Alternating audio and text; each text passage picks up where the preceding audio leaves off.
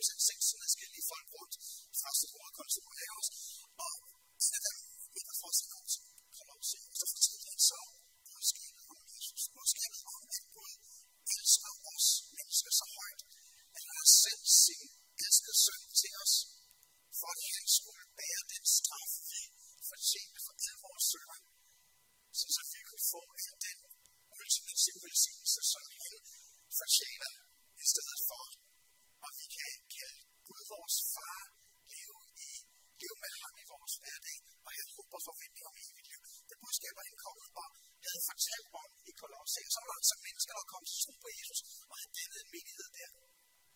Og så har Paulus løbende fået information om, hvordan går det så derude i Kolosse, ikke også? Ja, de flere. Ja, deres udfordringer. Tror de stadigvæk på Jesus? Vokser de? Og det har været gode nyheder, han selv har fået der. Nu er vi nogle år senere, Paulus sidder i fængsel, mest sandsynligt i Rom. Og det betyder altså ikke, at han stopper med at være missionær. Han, han øh, arbejder bare videre og sender breve ud til de menigheder, som han ligesom har et ansvar for. Og et af dem, det er altså så brevet til menigheden i øh, Kolosse. Og det første, som Paulus han gør i det her brev, lige efter han har sendt sådan et fra Paulus til ja, konsens og så videre, det er, at han giver udtryk for sin tak og sin bøn for de her troende i Kolosse. Det begyndte egentlig allerede i vers 3, hvor vi også læste i søndags, og så fortsætter det i den tekst, vi har læst her. Og faktisk så fortsætter det lidt længere endnu. Jeg der sidder med Bibelen på hverdagsdags, måske slå op den, I kan, I kan godt se, at det ligesom har fanget, at den her bøn, den egentlig fortsætter et par vers mere.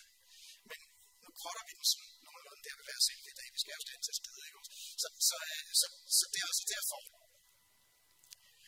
Så det, som, som vi har nu her, det er altså en form for en del af en bønnerapport fra Paulus. Øh, den bøn er ingen ringere end apostlen Paulus. Og øh, det synes jeg altså, det, det er ret cool, at vi, vi har det. Og det er ikke kun fordi, jeg er sådan en nørd.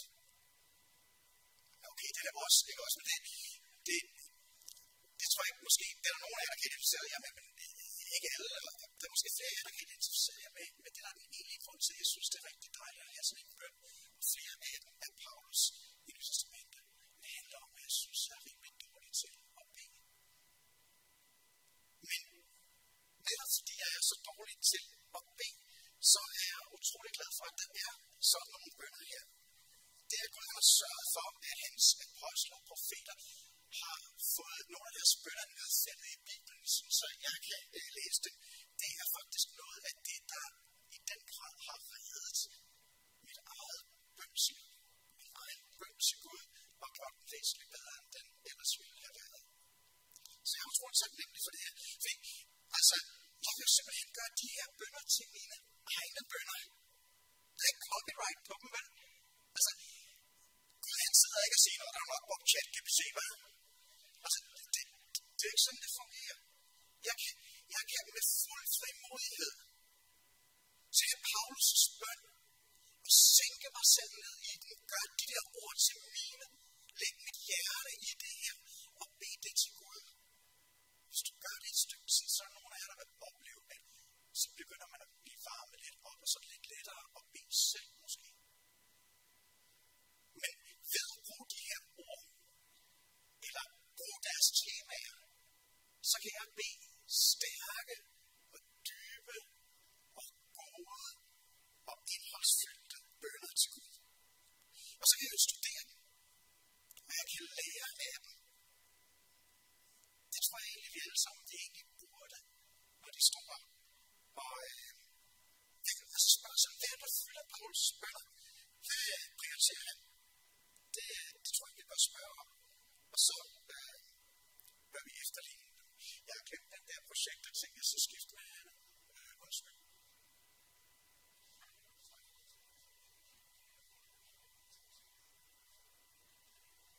Bare vent til at blive ældre, så bliver jeg endnu sjovere. Så det her, det er altså en bøn, som vi kan lære af og, og efterligne, tror jeg. Øh, I den her tekst, der lærer vi nogle vigtige ting om, hvordan vi egentlig bør til at tænke om og bede for hinanden. Jeg, jeg læste for nylig en bog af en fyr, der hedder Mark Dapper, der hedder Nine Marks of a Healthy Church. Og det kapitel, han skrev om bøn i menigheden, det var lidt sådan en øh, reminder til mig selv om, hvor utrolig grundlæggende det er for sund menighedsfællesskab, at vi beder for hinanden. Øhm, og nu har vi en fantastisk anledning til at kigge lidt på, hvad det er, Paulus prioriterer i sin bøn for andre kristne. Det kan vi jo så lære af. Altså, det, det er ikke sådan, at vi ikke kan bede om andre ting, end det, der står om i, i den her bøn. Paulus skriver andre steder sådan helt eksplicit, at vi skal lade alle vores ønsker komme frem for Gud. Gud han er en god far, han vil høre på alt, hvad vi kommer med. Men ikke desto mindre, så er der nogle prioriteringer, som Bibelen selv lægger op til, er særlig fint og nyttige at bede for. Og det tror jeg, vi kan lære af. Og så har jeg lyst til at sige til jer, der måske er her, som, som ikke tænker på jer selv som bedende mennesker, eller troende mennesker. Og så måske står og tænker, det der bøn er ikke noget, det der virkelig er mærkeligt. Øh, jeg kan godt forstå det, fordi det er jo det der med, at vi faktisk tror på noget, der ikke kan ses. Ikke også? Men det er fordi,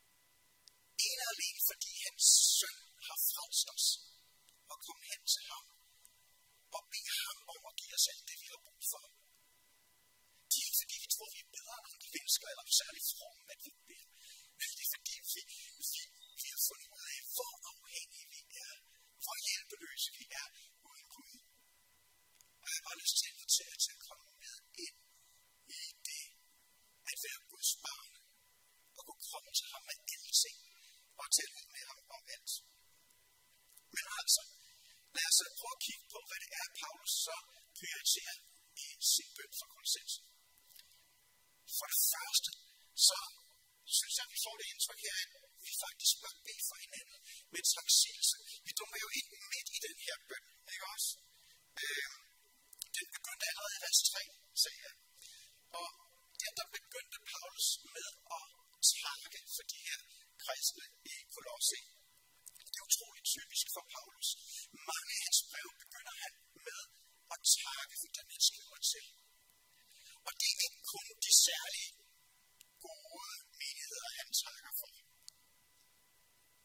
se, hvordan det egentlig er med dem, så har Paulus en tendens til, at det første, han gør, når han beder for dem, det er at takke Gud for dem. Det er typisk det her. Mit yndlingseksempel, det er menigheden i Korinth. Det er, der var masser af problemer i Korinth. Det var ikke en mønstermenighed. Altså, der var klikker, der var hård uden for ægteskabet, der var umodenhed, der var hård kritik af Paulus selv, der var masser af halv eller helt dårlige teologiomløb, der var kaosgudstjenester og hvad ved jeg. Net you name it, de havde det. Altså, det er næsten der, vi er, ikke? Og alligevel så begynder Paulus sit brev selv med, jeg takker altid min Gud for jer. Hvordan kan det være?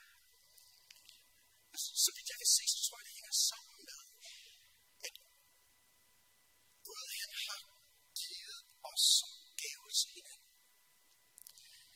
Gaver i form af, af brødre og søstre, som kan følges med os på vejen til målet. Kan mødes med os. Tale og lytte til os. Synge sammen med os. at Jeg skal stå foran mig til, fordi så lyder jeg bedre.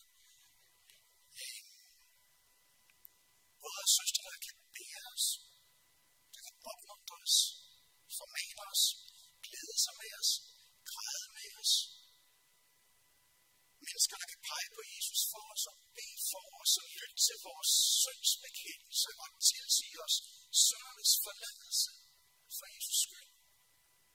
Og som han giver os som gaver til hinanden, så de der nogle gange lidt besværlige udfordringer. Jeg bestemmer for, at jeg vil ikke komme med eksempler. Men I kan bare se på mig, så ved jeg, hvad jeg snakker om er lidt udfordrende, besværlige udfordringer, som Gud han faktisk bruger til at lade os vokse som kristne.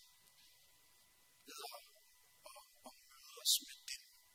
sende os dem for, at det sådan skal være en opdragende opgave for os. Jeg tror, det er vigtigt, at vi prøver at huske det her. Dem, du sidder ved siden af nu, eller dem, du netop ikke har sat ved siden af lige nu, ikke også? De er Guds gaver til dig og gaver fra Gud til hinanden. Også der måske nogle gange kan være en prøvelse for hinanden. Gud ved godt, hvad og hvem han giver til dig og giver til mig. Og han giver kun gode gaver, som jeg kun til at takke for. Og derfor så synes jeg, at det lyser ud af den her tekst at opfordrer til os. Lad os bede for hinanden med snak, sigelse til Gud. Jeg tror ofte egentlig, at vi kan opleve, at dem, som vi takker Gud for, dem kommer vi også til at holde mere og mere af. Så det er det første.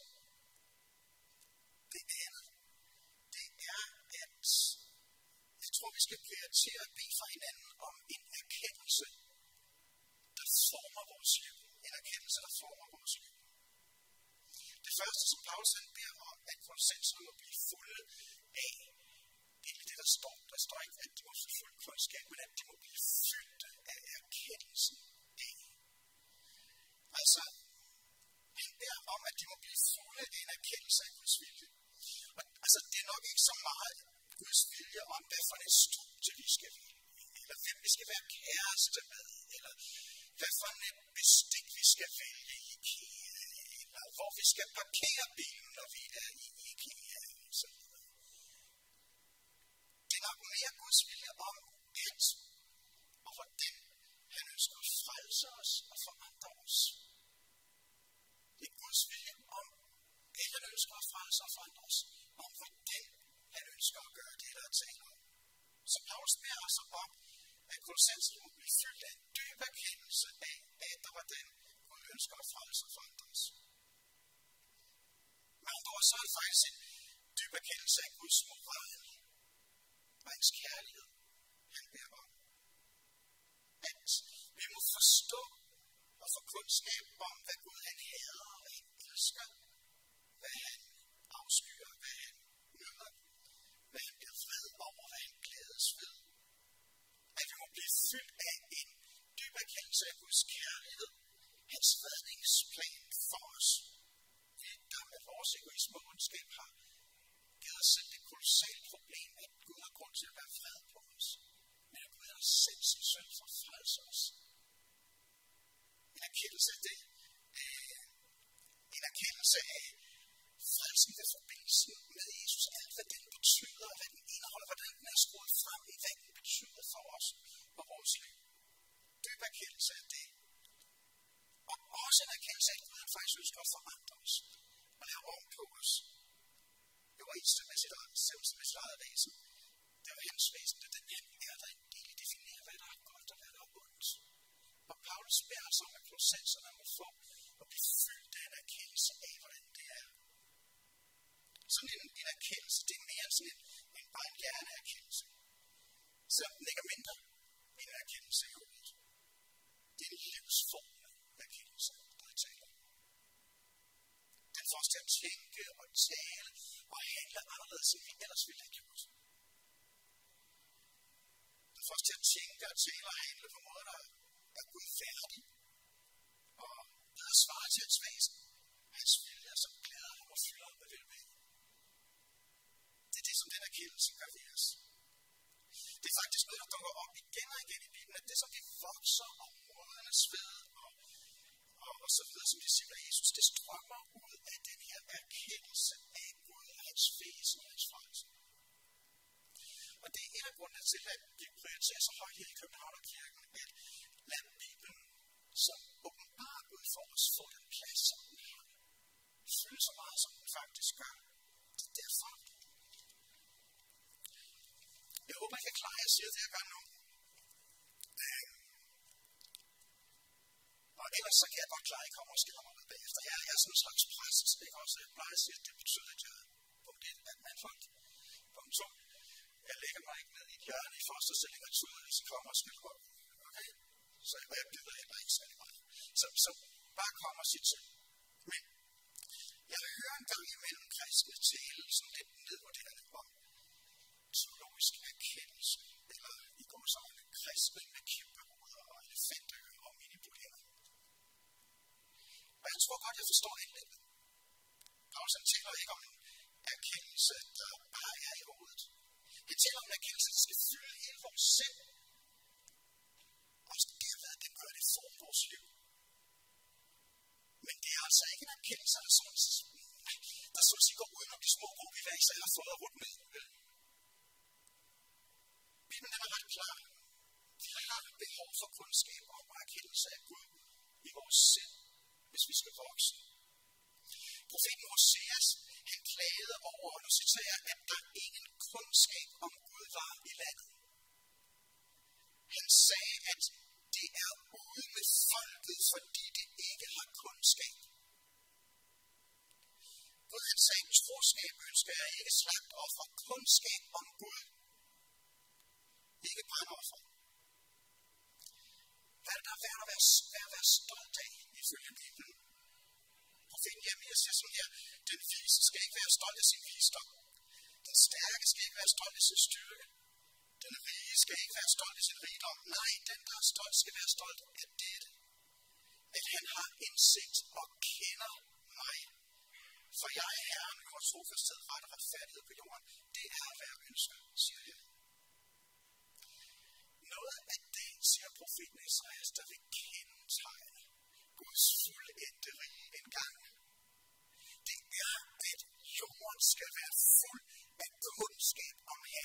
som havet dækker, eller vandet dækker havets bund. Okay? Det er svært at være nedvurderende om det, at få kundskab om Gud. Det er det, som Bibelen taler om, det synes jeg. For det andet, vi er alle sammen, endda også de af jer, der ikke tror på Gud, teologer. Der har en teologi. Så hvis du ikke tror på Gud, så har du den teologi, der ikke findes. Og de former dit liv. Spørgsmålet er ikke, om vi er teologer. Spørgsmålet er, hvad for en teologi, der er inde i os. Om vi fyldte af en halvdårlig eller helt dårlig teologi, eller om vi har en god og sund en. Og teksten den opfordrer os til at bede for hinanden om, at vi må blive fyldt med en sund og stærk og dyb og sand og bibelbaseret erkendelse af Guds frelse og vilje. En, der former vores liv. Og derfor tror at vi skal prioritere at bede for hinanden om det. Så er vi fremme ved det tredje punkt.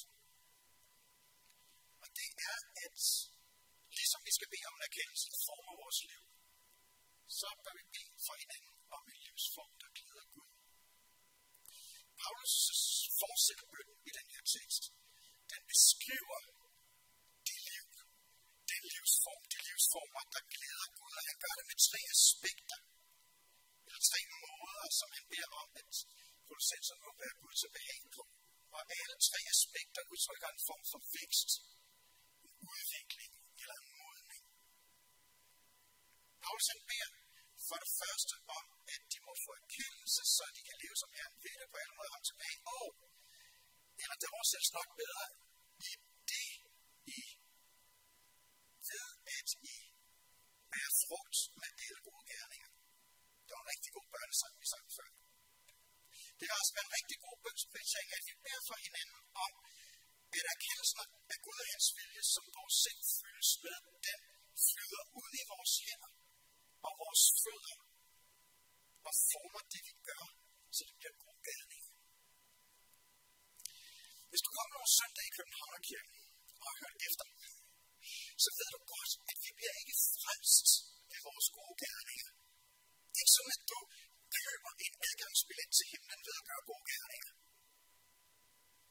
Guds ultimative velsignelse, det evige liv, det er et, som du og jeg får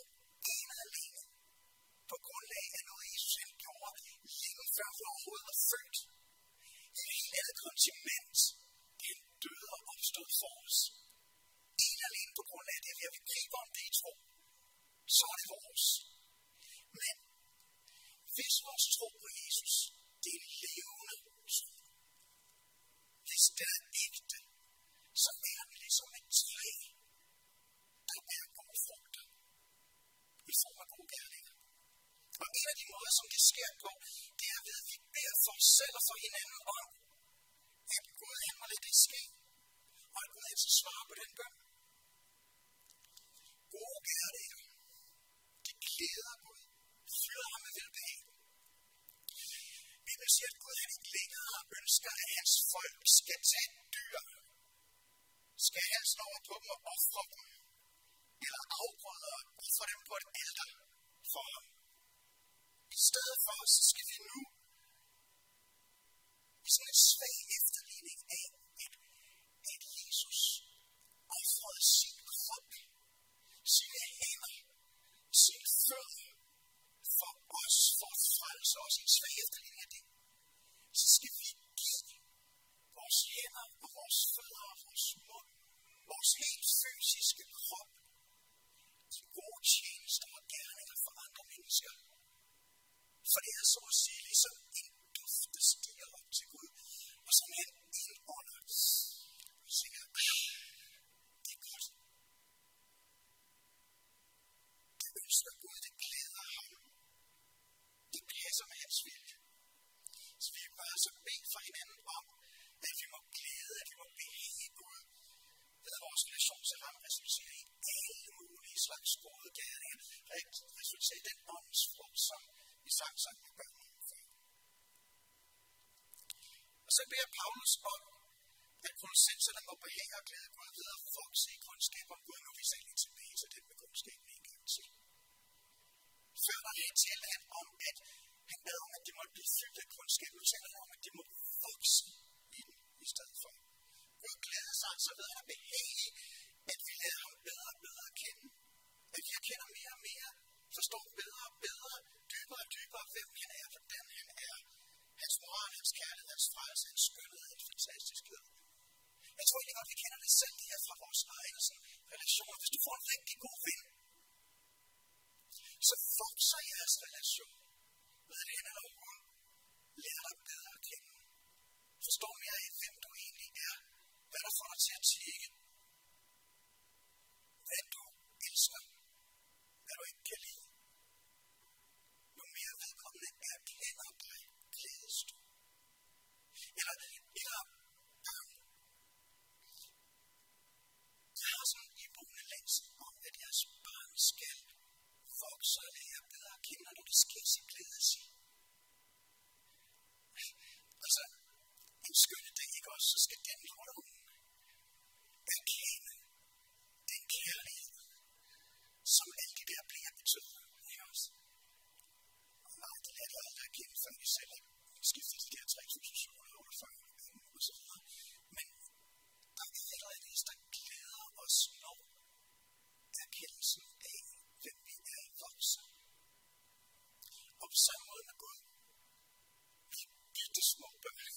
til ham.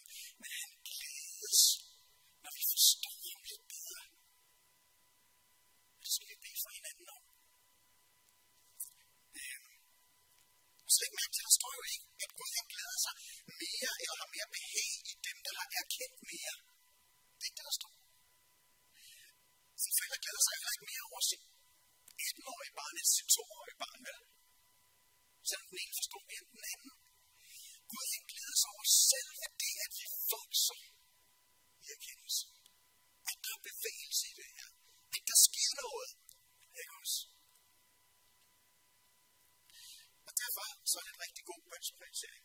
Jeg synes, vi for hinanden om, at vi må glæde Gud ved at vokse i vores erkendelse af ham. Og så er vi fremme ved det sidste og tredje vækst aspekt. Paulus han beder om, at kolossenserne må behage, må behage og glæde Gud ved, at de styrkes med al kraft ved hans herlige magt til al udholdenhed og tålmodighed. Altså Gud han glædes over, det er ham til behag, at vi bliver stærkere. Hvad betyder det, at vi bliver stærkere? Hvad vil det sige at være åndeligt boss? Hvad vil det sige? Det ser noget anderledes ud end at være fysisk buff. Jeg har set mennesker, der bestemt ikke så fysisk buff ud, men var åndelige. Hvad hedder sådan noget? Ultimate Fighters. Så nogen, du ikke har lyst til at med et mørkt bord. Det er det, jeg mener. I sammenhæng hos Paulus så er det helt eksplicit, at om styrkelse af udholdenhed og tålmodighed. Måske noget, der minder om det, som vi i dag kalder resiliens. Så du og jeg, vi vil komme ud i modvind. Nogle gange storme. Og hvis vi lever længe nok, så kommer vi til at lide. Det sagde en af mine lærer.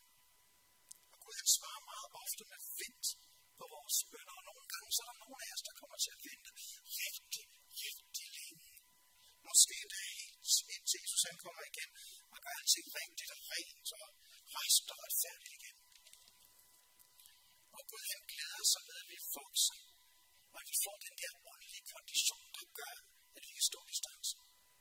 At vi bliver i stand til at vise udholdenhed og tålmodighed. Som så at stormen måske godt kan få os til at bøje os. At vi har så dybe rødder. Vi står så fast, at vi ikke viger eller vælter og dør, men at vi udholder og tålmodigt gennemfører løbet og helt i mål. Vi har brug for den udholdenhed og tålmodige styrke, og det glæder Gud at se os vokse i den, og derfor er det rigtig godt, hvis vi prioriterer at bede for hinanden om, at vi må glæde til at blive stærkere, så vi har den her udholdenhed og tålmodighed. Det kan nemlig kun ske ved Guds herlige magt, som der står. Og jeg tror måske, der gemmer sig en pointe i dag. Jeg tror, det var sidste gang, at jeg prædikede herfra, der var emnet Jesu magt. Og noget af det, der var en af hovedpointerne der, det var, at det vidunderlige ved Jesus' kolossale magt, det er, at han til at bøje sig ned og til at hjælpe os hjælpeløse og fortabte. Han brugte den til at gøre sig selv svag. I sidste ende at strække sine arme ud i magtesløshed på et kors, for at skaffe os fred med Gud og sejre om synd og død partikel, for at vi skulle slippe for at blive ramt af Guds endelige fred. Billedet om, at vi kan have tillid til hans kosmiske kræfter. Lægge os over i hans stærke, stærke hænder, fordi de gennembrud, fordi de bærer navlemærker. Hans magt er lige præcis på den måde en herlig magt, som Paulus skriver. Og jeg tror, at det er, når vi ser det, hvordan Gud har brugt sin magt i uendelig kærlighed til os, at vi vokser i udholdenhed og tålmodighed. Så lad os takke ham for det. Bede for hinanden med de her prioriteringer. Nu er der menighedsbøn lige om et øjeblik. Der kommer et slide op bag ved mig med en masse emner, som vi får lidt tid til at sidde og bede for hinanden om. Og jeg håber, at det kan være bare et, en stund, det eller, men noget, vi også tager med hjem.